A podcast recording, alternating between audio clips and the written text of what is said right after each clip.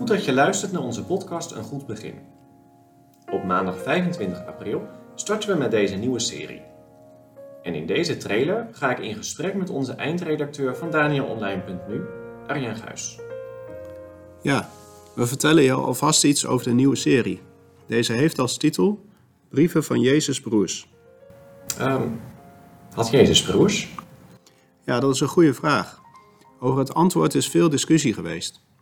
Maar in evangelie en brieven lezen we steeds over broeders des Heren. Oké, nou, dan is het duidelijk, toch? Nou, de discussie is vooral, worden daar broers of neven bedoeld? Oké, en ehm, ja, hoe is dat dan ontstaan?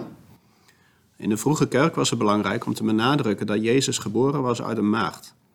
In de derde eeuw zei een kerkvader dat Maria altijd maagd is gebleven. Vooral Rome heeft zich hier sterk voor gemaakt. En net als Luther en Calvijn gaan daarom ook de kanttekeningen uit van neven in plaats van broers. Hey, en wat kunnen we daarover in de Bijbel zelf dan lezen? Nou, in Matthäus 1 lezen we dat Jozef en Maria geen geslachtsgemeenschap hadden tot de geboorte van Jezus. De kanttekeningen geven dan aan. Hieruit kan men niet besluiten dat Jozef haar daarna zou hebben bekend. Dat is wel consequent om de uitleg van neven te kunnen volgen. Toch is broers wel het meest voor de hand liggend. Expliciet wordt benadrukt dat Jozef en Maria geen geslachtsgemeenschap hadden voor de geboorte, zodat er geen twijfel kon bestaan over de geboorte uit een maagd. Daarna was er in het huwelijk van Jozef en Maria geen reden voor geheel onthouding op het seksueel gebied. En daarnaast, de betekenis van het Griekse woord dat gebruikt is, is volgens verklaringen altijd broer en niet neef. Oké, nou ja, een helder uitleg om er inderdaad vanuit te kunnen gaan dat Jezus wel broers had. Ehm, maar ja, over wie hebben we het dan eigenlijk? Bij de brieven van Jezus' broers hebben we het over Jacobus en Judas. Ik heb hier een Bijbelstudieboekje dat vijf personen met de naam Jacobus in de Bijbel noemt. Voor ons is het een hele puzzel om namen bij personen te achterhalen. In de tijd van het Nieuwe Testament wist iedereen wie bedoeld werd. En daarnaast dus de brief van broer Judas. Dat is een andere Judas dan de Judas dan, toch? Je bedoelt Judas Iscariot, de verrader van Jezus, neem ik aan? Ja, dat is inderdaad wel de Judas waar ik aan denk. Nee, inderdaad, van hem is deze brief niet. Dat kan ook niet, omdat Judas zelfmoord pleegde vlak na de kruisdood van Jezus. Waar het voor ons niet altijd duidelijk is welke Jacobus bedoeld wordt, is het in de Bijbel rond Judas Iscariot, de verrader, altijd duidelijk. Dat staat er dan altijd expliciet bij. We lezen het meest over Judas Iscariot of Judas de verrader. Soms over Judas de broer van Jacobus of Thaddeus of Lebbeus. Steeds wordt er dus nadrukkelijk genoemd of het de verrader betrof of niet. En hoe omschrijft deze Judas zichzelf?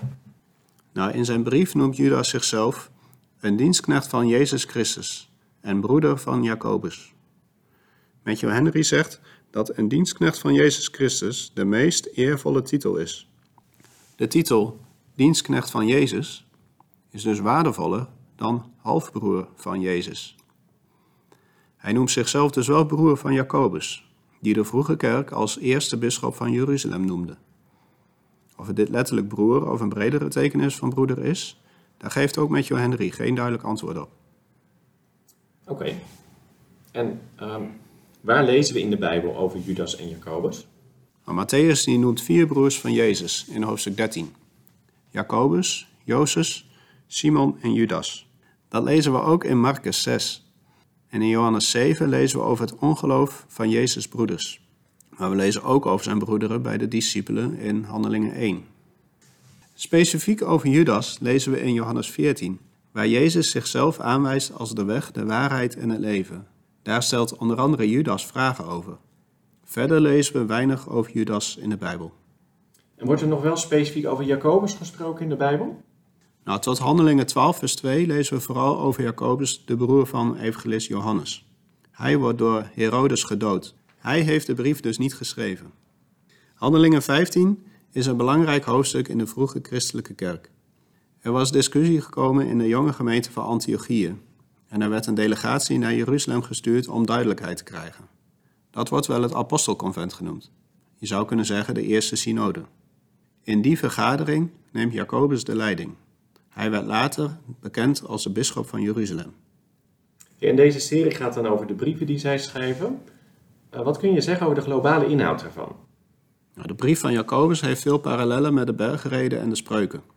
Jacobus geeft veel praktische aanwijzingen met steeds het grote contrast tussen goed en kwaad, wijs en dwaas, rijk en arm.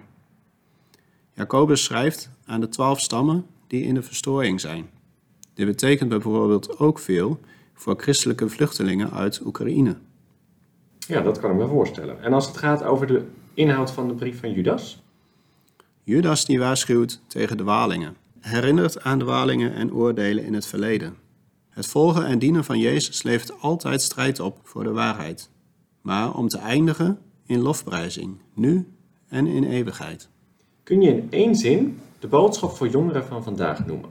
Ja, dat kan ik het best doen met Romeinen 8, vers 18.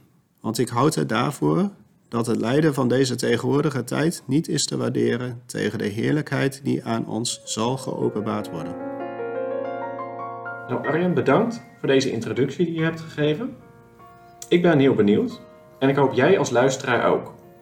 Fijn ook dat je deze introductie hebt geluisterd. Kies in deze podcast-app alvast voor abonneren. Dan komen nieuwe afleveringen vanzelf in jouw bibliotheek terecht. Wil je nu bij de start van deze en volgende series een herinnering ontvangen? Ga dan naar daniaonline.nu, scroll even naar beneden en vul je nummer in bij het blauwe vak. Een dagelijks bericht gaat technisch helaas niet meer, maar we brengen je wel graag eenmalig op de hoogte.